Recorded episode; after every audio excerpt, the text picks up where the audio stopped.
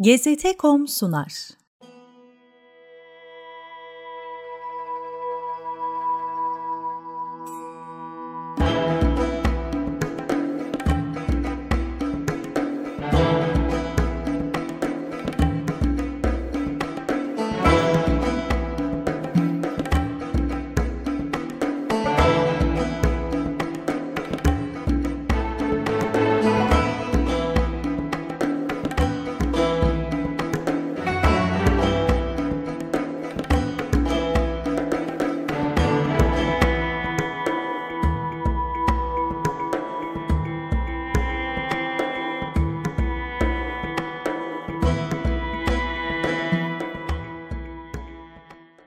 1971 yılında Şah Muhammed Rıza Pehlevi tarafından çok büyük bir meblağ harcanarak düzenlenen İran şahlarının 2500. yıl şenliklerinin yapıldığı çadır kenti Şiraz şehrinin yaklaşık 60 kilometre kuzeydoğusunda yer alan Persepolis'te yer alıyordu. Bir zamanlar görkemli bir parti için İran şahının misafirlerini ağırlayan bir çadır kent. 2016 yılında BBC tarafından hazırlanan Gerileme ve Çöküş, İran Şahı'nın son partisi. Yapılan bu organizasyonu tüm detaylarıyla inceler. Belgeselde Şah'la Şahbanu Farah'tan başka Şahbanu'nun Nedimesinden kutlamada görev yapan garsonlara, katılımcı konuklardan basın mensuplarına kadar çok sayıda görgü tanığıyla söyleşiler yer alır. Belgeselde kendisiyle röportaj yapılan, kutlamanın organizasyon komitesinde üye olarak faal bir durumda yer alan Abdülrıza Ensari, kendi ifadesiyle bir gün Şah'ın kız kardeşi tarafından çağrılır ve kendisine Şah'ın bir sene sonrası için kraliyete yakışır bir kutlama yapılmasını istediği söylenir.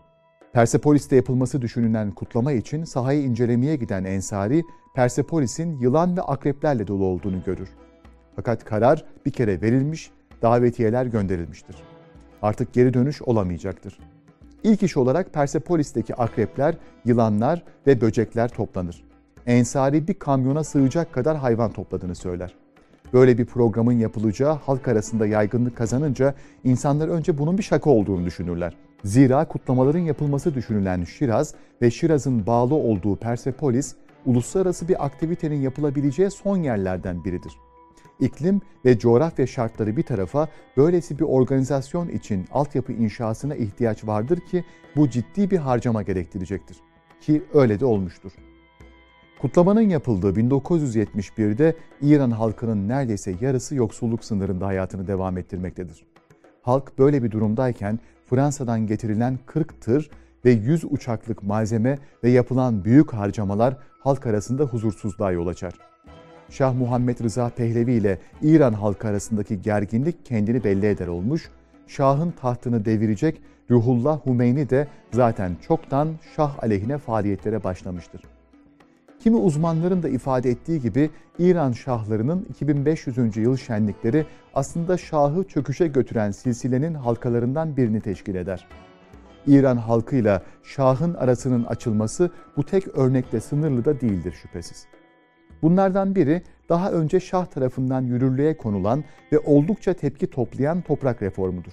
Özellikle 1963 yılında sert bir şekilde bastırılan 15 Hordat ayaklanması da ipleri geren önemli halkalardan biridir. Bununla birlikte Humeyni'nin 15 Hordat ayaklanmasının ardından tutuklanarak sürgüne gönderilmesiyle Pehlevi'ye karşı Humeyni liderliğinde oluşan muhalefet büyük oranda yer altına çekilir.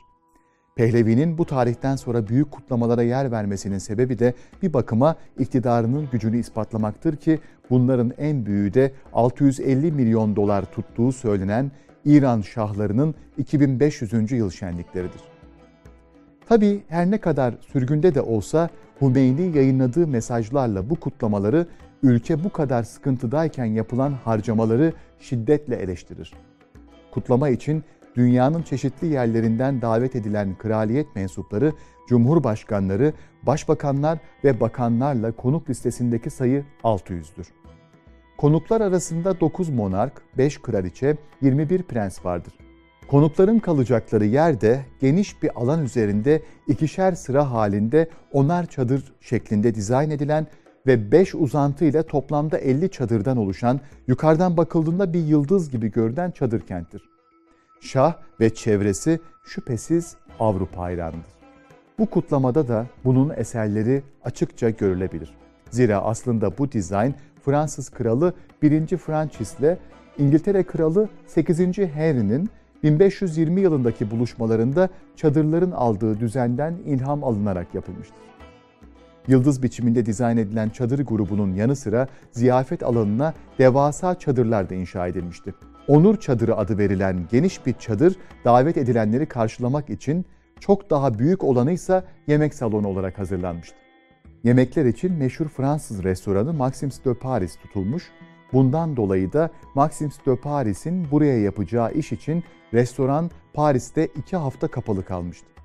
Ziyafet için kendisiyle çalışılan Avrupalı firmalar Maxims de Paris ile sınırlı değildir şüphesiz. Persepolis'teki çadır kent Fransa'dan getirilen ağaçlarla donatılmış, üstelik bununla da yetinilmeyerek yine 50 bin kuş da Avrupa'dan getirilerek buraya salınmıştır. Fakat Persepolis'in çöl iklimine dayanamayan kuşlar 3 gün içinde ölmüşlerdir. Harcamalara konu olan kalemler oldukça kabarıktır. Kutlamalar için 47 bin metre ipek, 18 ton yemek, 360 bin yumurta, 12 bin şişe viski, 25 bin şişe şarap sipariş edilmiş, yapılacak hizmetler için 180 garson tutulmuş, 60 bin askere ilaveten 6 bin kostümlü asker de alanda yer almıştır. 250 kurşun geçirmez limuzin ise konuklar için tahsis edilmiştir. Kutlamalar gerçekten de öyle şaşalı olmuş ve dünya kamuoyunda öylesine bir etki uyandırmıştır ki Time dergisinin bir sayısında kutlamalara şöyle değinilmiştir.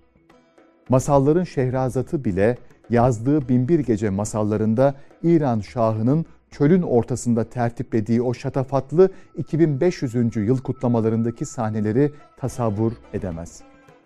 5 gün süren kutlamalar 12 Ekim'de Persepolis'in 80 kilometre kadar uzaklığında yer alan Pasar Gade'deki Büyük Kiros'un mezarında başlar.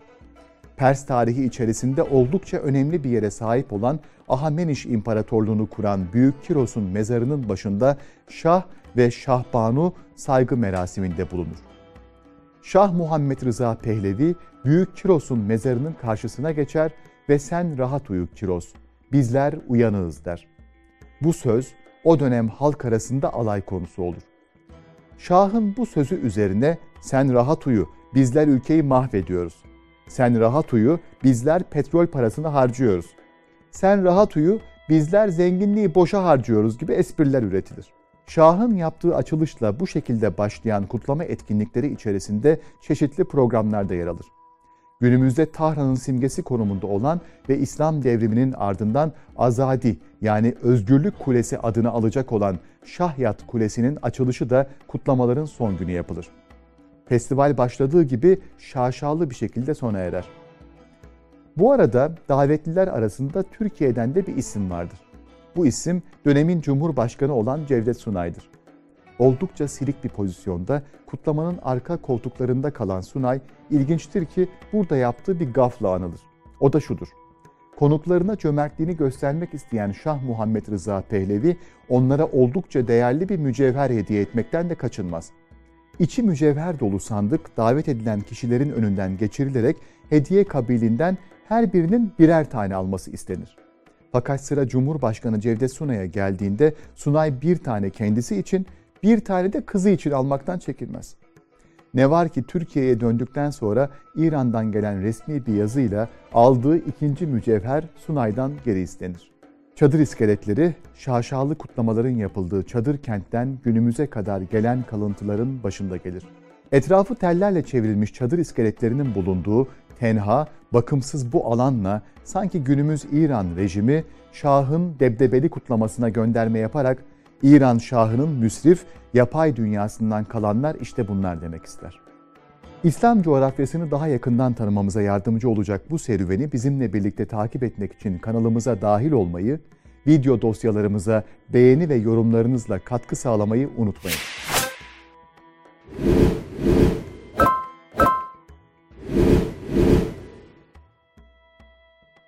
GZT.com sundu.